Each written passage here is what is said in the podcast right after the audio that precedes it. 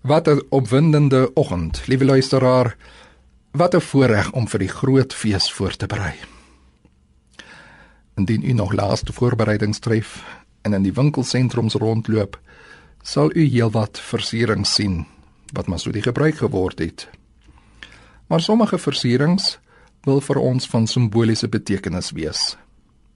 Neem byvoorbeeld die kraans. Hout takkies wat in 'n ronde sirkel gevleg is waarop soms ook kersse geplaas word. Waarom 'n krans? U het al seker gesien hoe tydens herdenkingsseremonies kranse by standbeelde of gedenktekens geplaas word. Die krans was eers 'n algemene teken van oorwinning. Dink maar byvoorbeeld aan die keiser van Rome wat 'n laurierkrans op sy hoof gedra het of aan die Romeine wat ook 'n krans op hulle baniere aangebring het. Vir Christene het dit die simbool van oorwinning geword. Ons plaas oorwinningskranse ook op grafte om die boodskap uit te straal soos Paulus in 1 Korintiërs 15 skryf.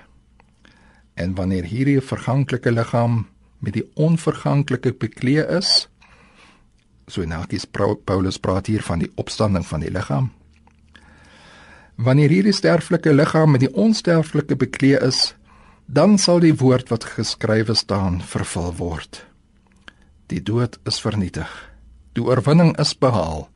Maar ons dank God dat hy aan ons die oorwinning gegee het deur ons Here Jesus Christus.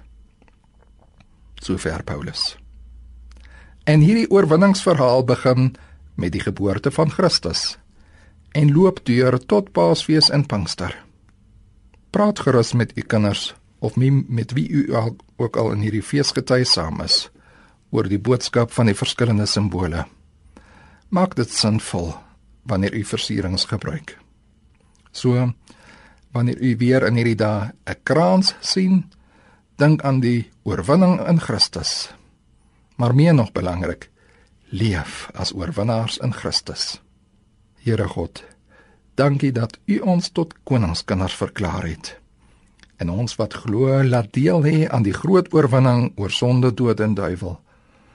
Ons wil vandag leef soos waardige koningskinders wat U ook as die ware koning welkom heet. Amen.